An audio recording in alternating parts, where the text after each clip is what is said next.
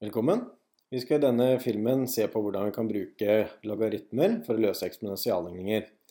I dette tilfellet så har vi en litt spesiell variant hvor vi må gå via en annengradsligning for å komme helt i mål. Ligningen vi skal løse ser ut som følger. 3 opphøyd i 2x minus 4 ganget med 3 opphøyd i x minus 12 er lik 0.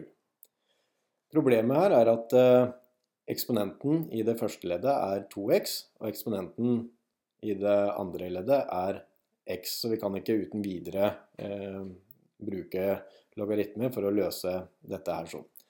Så det vi gjør er å ta skrive om det første leddet ved hjelp av en potensregel, slik at vi da får 3 opphøyd i x opphøyd i a. Så, så dette er det samme. Andre leddet lar vi stå. 4 ganget med 3 opphøyd i x. Tredje leddet minus 12 er lik 0. Det vi skal gjøre nå, det kalles for substitusjon. Så vi sier nå at eh, u det er det samme som 3 opphøyd i x. Det betyr at alle steder hvor det står 3 opphøyd i x, kan vi nå sette inn u isteden. Så det betyr at her får vi u i andre, så får vi minus 4, og 3 oppi dx kan vi skrive som u. Minus 12 er lik 0.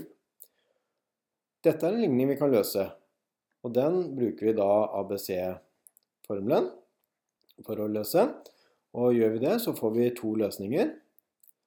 At enten er u lik minus 2, og den andre løsningen, det er u lik 6.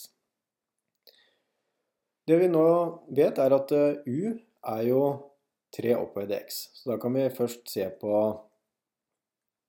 den ene løsningen. Og da setter vi inn 3 opphøyd x for u. Og det skulle da være lik minus 2. Dette kan aldri Det finnes ingen x som gjør at det 3 opphøyd x vil bli minus 2. Det vil alltid være positiv, så denne her kan vi bare stryke med en gang.